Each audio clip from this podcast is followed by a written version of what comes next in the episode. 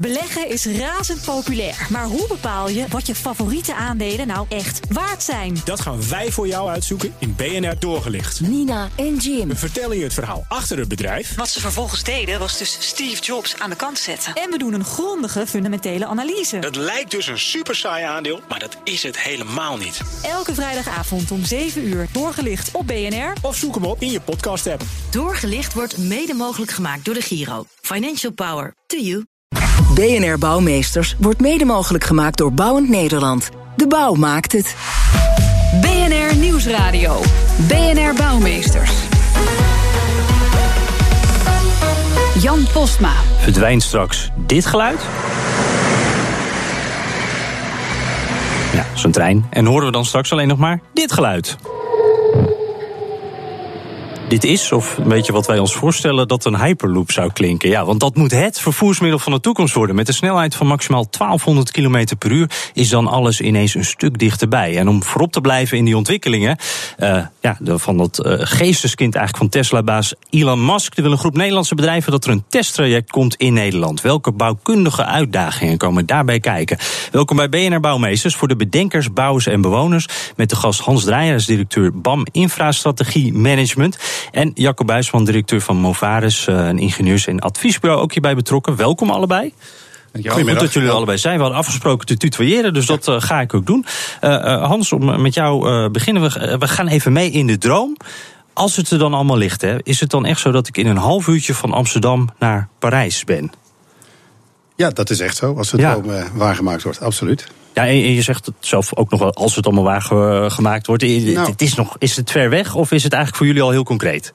Het kan heel concreet worden. Het ligt er natuurlijk nu niet. Er zijn best een paar uh, technologische uitdagingen. En dat is ook precies waarom je eerst een testtraject zou willen doen. Mm -hmm. um, maar uh, fundamenteel zijn er eigenlijk geen, geen redenen waarom dit niet kan. Dus laten we dat maar gewoon gaan doen. Ja, uh, Jacob Buisman, een Hyperloop-netwerk dan door heel Europa. Is dat wat we gaan zien? Is dat het plan? Ja, of in de droom door de hele wereld. Ja, sky's the limit, maar dan net even anders. Nou, uh, daar gaan we het over hebben. En dan ja, vragen we ons natuurlijk ook meteen af van hoe moet zo'n Hyperloop systeem er dan uitzien? Hè? De bedenker en Tesla-oprichter Elon Musk die schreef een wedstrijd uit en die werd gewonnen door een team studenten uit Delft. En die zijn inmiddels druk aan het doorontwikkelen op hun testlocatie in Delft. En verslaggever Roger Dankerlui die nam een kijkje. Het is een soort hele snelle trein die door een buis gaat. En in die buis is bijna geen luchtdruk. En daardoor kan je een stuk sneller, goedkoper en efficiënter reizen dan de transportmiddelen van nu. En dan kan dat bijvoorbeeld zijn van Schiphol naar Enschede of nou ja, noem maar een route op. Ja, precies. Het mooie is dat je bijvoorbeeld heel Nederland zou kunnen verbinden. Dat je overal in Nederland kan zijn in slechts drie kwartier. Dus dat je in plaats van dat Nederland nu één groot land is met verschillende steden... eigenlijk één groot, superverbonden stad creëert. En hoe snel gaat zoiets? Nou, snelheden van meer dan 1000 km per uur die zijn mogelijk. Uh, en dan voor energieverbruik wat orde groottes minder is dan als je het vergelijkt met vliegtuigen en treinen. En zelfs vier keer zo efficiënt als je het vergelijkt met een hoge snelheidstrein, wat op dit moment het meest efficiënte transportsysteem is. En dan staat hier in Delft een testlocatie, een testroute, die is 30 meter lang. Wat kunnen jullie daar allemaal in doen? Nou, in die testfaciliteit kunnen we al alle systemen testen die geen hoge snelheid vereisen. Dus denk aan het zweven, het aandrijven, stabiliseren, de veiligheidssystemen, alle vacuümsystemen. Die kunnen we daar volledig testen en bewijzen. Uh, en vervolgens opschalen dus naar een hoge snelheid testfaciliteit. Het is de tijd van de computers natuurlijk, uh, animaties, dingen doorrekenen. Uh, hoe ver zijn de testen op dit moment? De testen die zijn uh, eigenlijk in volle gang. We zijn nu in ons laboratorium alle testen op kleine schaal aan het uitvoeren... om ze zodoende voor te bereiden op dus de testen op volledige schaal... in onze 30 meter testfaciliteit. En die resultaten die zien er allemaal behoorlijk ja, veelbelovend uit. Dus we kijken ook met een hoop... Uh, met een hoop potentie richting de toekomst. Ja, dat was Tim Houter, CEO en co-founder van de Hyperloop. Uh, straks horen we wat er dan allemaal op die grotere testlocatie nog getest kan worden. Maar eerst toch even naar het praktische, ook een beetje voor mij als uh, gebruiker. Uh, Hans Drijn, ik hoor ook kortere afstanden voorbij komen. Zou dan bijvoorbeeld Amsterdam-Groningen ook een optie zijn? Zou dit Nederland ook veranderen? Ja, dit zou Nederland ook veranderen. Want dat betekent eigenlijk dat de Randstad van elke plek vanuit Nederland in een half uur bereikbaar is. Dus dat zou ook voor Nederland zelf een enorme verbetering zijn. Ja, zien jullie dan ook al een soort uh, minimumafstand? Of, of uh... Nou, minimumafstand is denk ik ingewikkeld te zeggen. Ik denk als je dit gaat aanleggen, dat je dat dan liever over uh, een naar de randen van Nederland doet, Mhm. dan, dan echt alleen de Randstad. Ja, het moet geen bommeltje worden natuurlijk. Wordt geen bommeltje, Dat kan ook nee. niet, denk ik. Nee. Nee. Eh, Jacco, nou is er een eh, brief naar Den Haag eh, verstuurd. Die is ook door jullie beiden ondertekend, Klopt. namens jullie bedrijven natuurlijk. En in die brief vragen jullie ja, steun en 120 miljoen euro voor de ontwikkeling van dat nieuwe testcentrum waar net over gesproken wordt. Hebben jullie daar al een reactie op gekregen? Nee, nog niet. Ik denk dat er bij de ministeries op dit moment eh, vele verzoeken liggen. Maar het lijkt Ja. ons in ieder geval erg goed om met de partijen te kijken dit initiatief eh, te ondersteunen. Er is Mhm. een eh, rapport eh, onder andere geschreven door TNO, waarin een aantal opties zijn uitgewerkt. Daar komt ook de voorkeur voor de testlocatie vandaan. En daar komt ook de 120 miljoen vandaan. Ja, want eh, meer bedrijven ondertekenen die brief. Hè? Ook eh, Fokker, VDL, NS, ProRail, ook het havenbedrijf Rotterdam. Eh, wa- wat voor commitment eh, zien jullie dan? eh, is er bij die bedrijven? Bijvoorbeeld om, eens, eh, eh, ja, om, om BAMMers te noemen. Ja. Hoe, hoe staan jullie daarin? Is dit nou echt iets waar jullie je eh, aan verbinden? Eh, wat er ook gebeurt? Of hoe, hoe zit dat? Nou, ik werk bij BAM Infra en daar maken we verbindingen in de, in de fysieke zin. Ja. Maar, dat- maar dat doen we ook graag met, eh, met interessante technologische ontwikkelingspartners. We kunnen dat niet allemaal zelf. Eh, hoe de precieze bijdrage gaat worden, dat ik zie een publiek-private samenwerking vormen. En dan kan of in middelen, mensen, tijd eh, iets komen, maar dat kan ook in geld eventueel. Dus wij zijn natuurlijk enorm geïnteresseerd om een bijdrage te leveren aan die, eh, aan die volgende testfaciliteit. Mhm. Maar zouden jullie dan dus bijvoorbeeld ook hier financieel in willen stappen? Of zeggen jullie op dit moment nog vooral onze kennis willen we delen? Ik denk dat dat allemaal open is en af zal hangen van eh, hoe die publiek-private samenwerking eruit kan gaan zien. Maar wij zijn heel geïnteresseerd om eh, met alle opties mee te denken. Ja, ja, ja. ja. Nou, en eh, we hebben ook al eventjes eh, rondgevraagd in Den Haag. Nou, de meeste politieke partijen die zijn op dit moment nog even heel druk natuurlijk. Die hebben net die hele formatie achter de rug en zo. Ehm, maar ik ben toch wel even benieuwd ook. eh, en zij, ik zeg het even verkeerd, zij zijn vooral heel benieuwd hoe die nieuwe minister dat gaat oppakken. En daar ben ik eigenlijk ook wel benieuwd naar. Uh, Cora van Nieuwenhuizen, nieuwe minister van Infrastructuur en Milieu. Ja, hoe gaan jullie die overtuigen, Hans? Ja, als je de, kijkt naar de, de reactie en de brief eh, die we gestuurd hebben. Ik denk dat het belangrijkste is om gewoon met elkaar in gesprek te komen. Eh, het rapport wat ik memoreerde, daar eh, staan ook een aantal opties in open. Eh, ook de brief hebben we geprobeerd open te laten. Wij spreken onze steun uit eh, als bedrijven die ondertekend hebben. En ik denk dat een eerste belangrijke stap is om met de ambtenaren en met de minister om tafel te komen. Om te kijken van nou, wat zijn de beelden, zowel publiek als privaat. En hoe gaan we de- deze fantastische droom eh, concreet maken. Ja, nou, nou weten we, de, de, de vorige minister die, die, die, die was op zich positief. Maar, maar hoe, hoe- weten jullie al een beetje hoe de nieuwe minister erover denkt? Ik weet het persoonlijk niet. Nee, maar Nee, ik- dat, dat is echt nog even spannend. Dat is toch even spannend. Er staan overigens wel een aantal vervolggesprekken met het ministerie ook al eh, Ah, gepland. Dus ja, dat gaan ja. we dan heel snel vernemen. En, en Ja. wat nemen jullie dan mee? Wat is dan zeg maar jullie echt jullie overtuigingsmiddel van nou, dit moet er echt komen? Nou ja, kijk, wij als BAM zijn in het verleden ook bij de hogesnelheidslijn betrokken geweest. Wat toen een hele mooie innovatie was. Ja, de- nu komt er iets voorbij wat een next step is. En Mhm. eh, daar wil je eigenlijk mee verbinden. Het zou ook, hè, dat maakt. de- Ja, het kan ook een oplossing zijn voor, de, voor het eh, leeglopen van de uithoeken van het land. Omdat je eigenlijk afstanden er niet meer toe doen binnen Nederland. Dit zou voor krimpgebieden eh, zou dit kunnen helpen. Eh, je kan mooi in de ruimte gaan wonen eh, en toch heel dicht bij je werk zijn. Los van het hele Europese netwerk. En daar zien we als BAM denk ik een enorm voordeel... dat we technologie hier zouden kunnen ontwikkelen... door hier zo'n testcentrum te hebben. Dat is natuurlijk ook een van de criteria waarom eh, Flevoland als eh, testlocatie nu eh, als eerste optie naar voren gekomen is. Kijk, we geloven er denk ik met alle partijen die ondertekend eh, hebben, ook Movares in, dat je innovatie van papier moet zien te krijgen. En zo'n testlocatie is natuurlijk ideaal om met elkaar te kijken hoe werken de dingen nu echt in de praktijk en hoe optimaliseren we dat dusdanig dat het ook echt een commercieel succes kan worden. Ja, wa- want dat, dat eh, iedereen wil dan natuurlijk die eraan deelneemt, wil dat dat een succes wordt. Het is een heel mooi project. Maar ik kan me ook voorstellen, het moet toch ook een groot risico zijn. Het is iets waarvan je echt nog helemaal niet weet of dit, eh, of dit gaat slagen.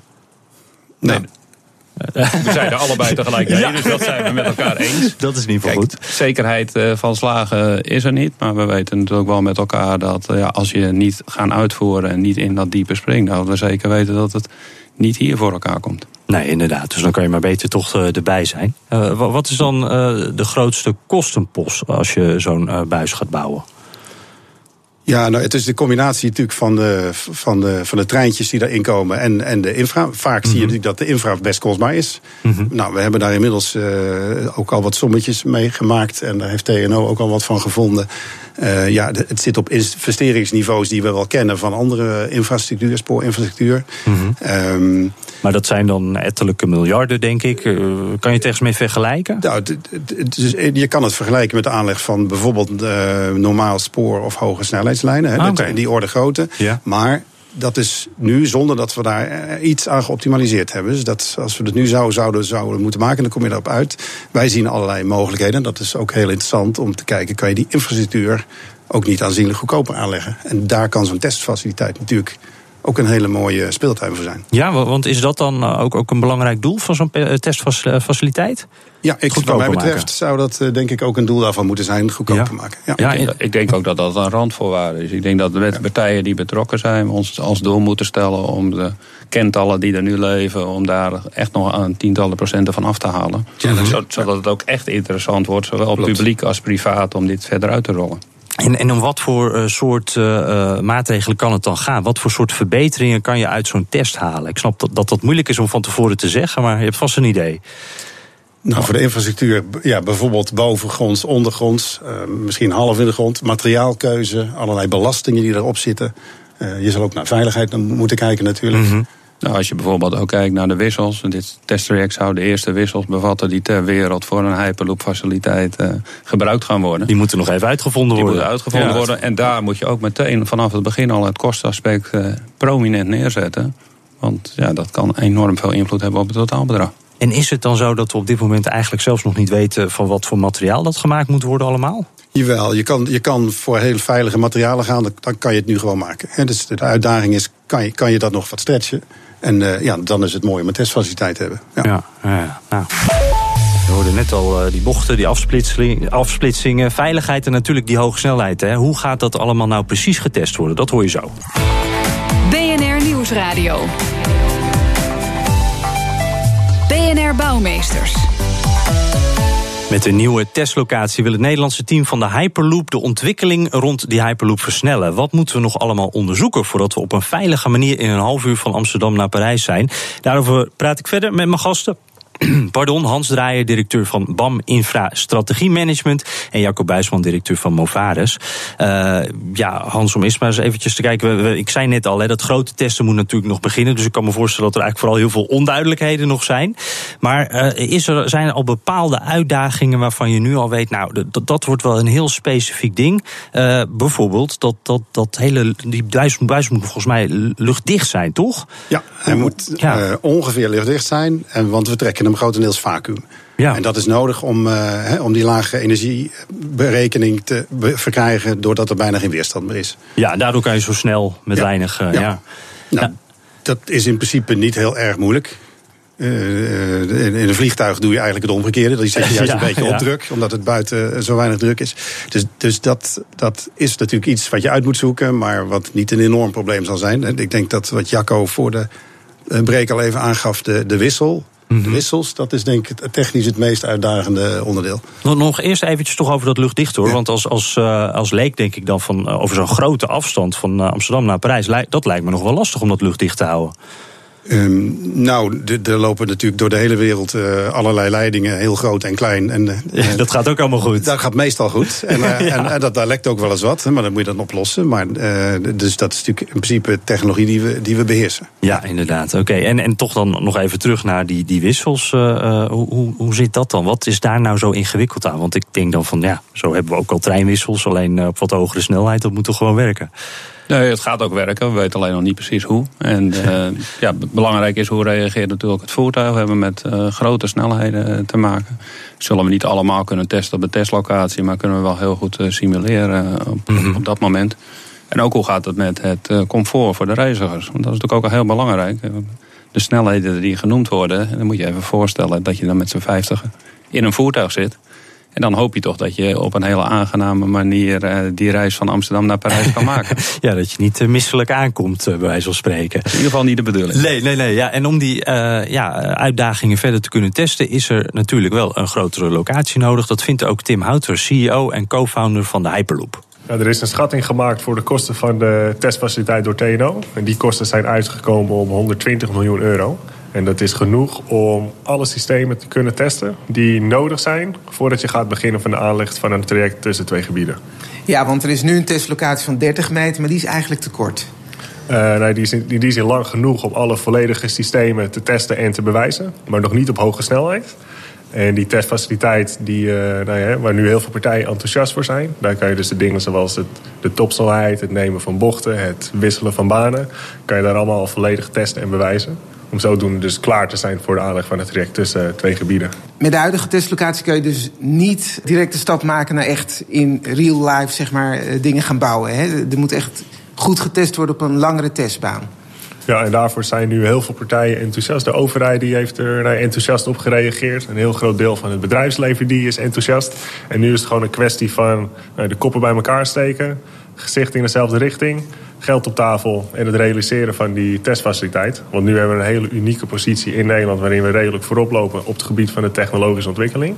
Maar er is nog meer waar daarbij komt kijken. En dat is dat alle technologie die nu zal worden ontwikkeld voor die Hyperloop testfaciliteit. Die uiteindelijk ook weer geëxporteerd en gebruikt kan worden bij alle Hyperloops die over heel de wereld zullen worden gebouwd. Uh, zodat je daar weer die technologie ook kwijt kan en zodoende ook nog eens meer geld kan verdienen. Ja, dat zou helemaal goed nieuws uh, zijn natuurlijk. Uh, Jacco, als we nou even heel concreet dan de, de gewenste testfaciliteit voor ons zien hoe lang moet dat zijn? Wat kan je daar dan allemaal precies doen? Want ik hoorde jou ook zeggen, misschien niet tot die maximumsnelheid van 1200 km per uur. Maar hoe ver kan je dan wel gaan? Ja, er zijn verschillende opties onderzocht. Eigenlijk van 3 kilometer, 5 kilometer en 15 kilometer voor de testfaciliteit. Nou, iedereen zou het liefst over 15 kilometer testen. Maar we kijken natuurlijk ook naar het prijskaartje daarbij. Ja. Daaruit is naar voren gekomen dat voor de 120 miljoen we 3 kilometer testtraject aan kunnen leggen. En alle partijen die erbij betrokken zijn, zijn er wel van overtuigd dat we daar de dingen kunnen testen die we willen testen. En daar zullen we ook uit het testen zit ook een stuk innovatie bij. Dus er zullen ook een aantal nieuwe vindingen komen die we daar ook meteen weer uit kunnen. En zou, zou dan op dat testtraject ook uiteindelijk al getest kunnen worden met echt mensen erin? Is dat. Uh...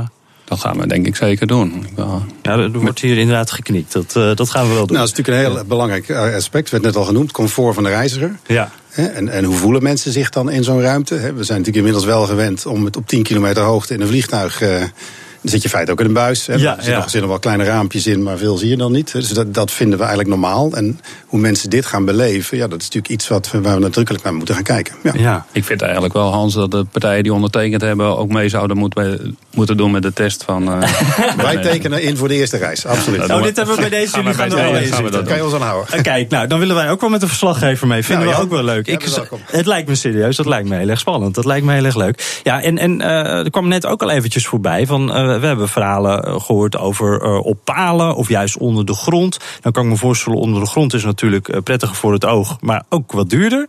Uh, die testbaan, hoe, hoe, wat wordt dat op palen of onder de grond? Wat gaan jullie doen? Hij is uh, op, de, op hoogte, hij zit op 5 meter hoogte. Dat lijkt een hoogte die erg gewenst is ook voor latere trajecten. Dus dat kunnen we daar ook meteen ja. uittesten. Past ook het beste bij de omgevingsvergunningen. Wat misschien ook wel belangrijk is om te vermelden. We hebben Tim eh, van eh, Hart een paar keer eh, in de uitzending ja, gehad. die we net hoorden, ja. Maar het is ook goed om te weten dat ook een ander bedrijf, Hyperloop One uit de Verenigde Staten, heeft aangegeven ook van het testtraject gebruik te willen maken. Dus het wordt ook een testtraject wat door meerdere bedrijven gebruikt gaat worden. Waardoor we ook van elkaar kunnen leren en ook elkaars innovaties kunnen gebruiken. Ja, ja want ik zag het eigenlijk meer als gewoon: dit is één initiatief. Maar het zijn ook eigenlijk verschillende initiatieven uh, die samen op hetzelfde ja, systeem kunnen. Ja, de bedoeling is nadrukkelijk dat inderdaad ook andere partijen van die testfaciliteit gebruik kunnen gaan maken. Uh, en ik denk dat dat de draagvlak ook uh, vergroot. Um, en dat betekent als we dat voor elkaar krijgen, dat er natuurlijk daar een centrum gaat komen, in ieder geval voor Europa, waar kennisontwikkeling over deze technologie plaats gaat vinden. Ja, en, en hoe lang denken jullie nou te moeten testen voordat we dit ding dan eindelijk ook echt kunnen gaan bouwen? Als je kijkt naar de rapport van TNO, daar wordt gerept over een uh, uitbreiding van een testtraject, eventueel met een, uh, een vervolgtest op uh, Schiphol-Lelystad. Om mm-hmm. Schiphol te verbinden met Lelystad Airport. En daar valt het jaartal 2023. Dus dan praten we toch echt over absoluut toekomst, maar ook wel echt nabije toekomst. Ja, Hans, wat denk je dan als je zo'n jaartal hoort? Is dat, wordt iedereen dan even op scherp gezet? Nou, dat is uitdagend, maar dat kan. Dus laten we dat maar dat gewoon kan doen. echt, ja. Zeker, ja. ja. Jemig, maar dan uh, over een paar jaar zo. Dat, ik, ik kan het me toch bijna niet voorstellen. Ook omdat we dit gewoon nog niet. Het bestaat nog niet. Ja, dat is vaak. Uh, dat is net als een paar jaar geleden van dezelfde Elon Musk. Uh, ja. We dachten dat we niet elektrisch kunnen rijden. Nou, kijk eens om je heen. En wat er nu gaat gebeuren. De grote Europese automakers die allemaal overschakelen. Dus dat kan heel hard gaan. Ja, ja, en hiermee ook. En het kan ook een voordeel zijn. We beginnen gewoon opnieuw met een systeem. Dat betekent dat we ook met onze regulering en uh, wetgeving... dat we die erop aan kunnen passen. Betekent dat we ons niet uh, helemaal uh, klem hoeven te laten zetten... door de huidige regelgeving. En dat kan ook een versnelling geven. Er maar zit een risico aan, maar het kan ook een versnelling ja, geven. Ja, want ik zou dan toch denken... ik denk dan toch, ik ben misschien niet zo'n optimist als jij... maar ik denk dan ook aan, aan de, de problemen die dat op kan leveren. Want, want er zijn nog geen regels voor. Dus dan moet je toch ook allemaal gaan overleggen... Dat kan het ook veilig vertragen. Nou, ik denk dat de brief die naar het ministerie uh, geschreven is door uh, de private partijen ook daar een appel op doet. Het doet een appel op samenwerking, doet een appel op een stuk financiering. Maar het doet natuurlijk ook zeker een appel om met elkaar die regelgeving zo te ontwikkelen, het liefst op Europees niveau. Ja. Dat we ook daar snelheid mee kunnen Hier maken. moet Brussel eigenlijk ook bij betrokken zijn. Dat lijkt mij een heel erg voordeel, ja. Ja, Hans, jij, jij, maakte de vergelijking ook al met, met een vliegtuig. Dat is ook eigenlijk een soort buis. Waar mm -hmm. valt dit nou onder? Is dit een soort laagvliegende, heel laagvliegend nou, vliegtuig ja. of, of, een trein? Wat, wat zou je zeggen? Ja, het is iets, iets, nieuws natuurlijk. Dus dat, uh, dat moeten we met elkaar gaan uh, verkennen. En vandaar dat daar ook uiteindelijk nieuwe regels, passende regels bij horen. En dat zie je natuurlijk eigenlijk altijd met de technologie. Die gaat sneller dan de regels. Dus ja, die moeten dan volgen. En ja. het is wel heel belangrijk dat daar wat experimenteerruimte is. Dat je eerst het eens kan uitproberen.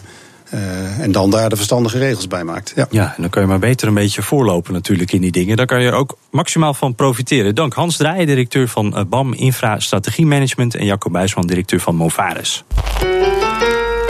BNR Bouwexpo. Ja, wij zetten weer een bijzonder gebouw in de schijnwerpers. En de curator van de Bouwexpo, Frederik, die heeft weer een heel mooi uh, voorbeeld gevonden. Frederik, vertel. Ja, de Klomphof in Wierden.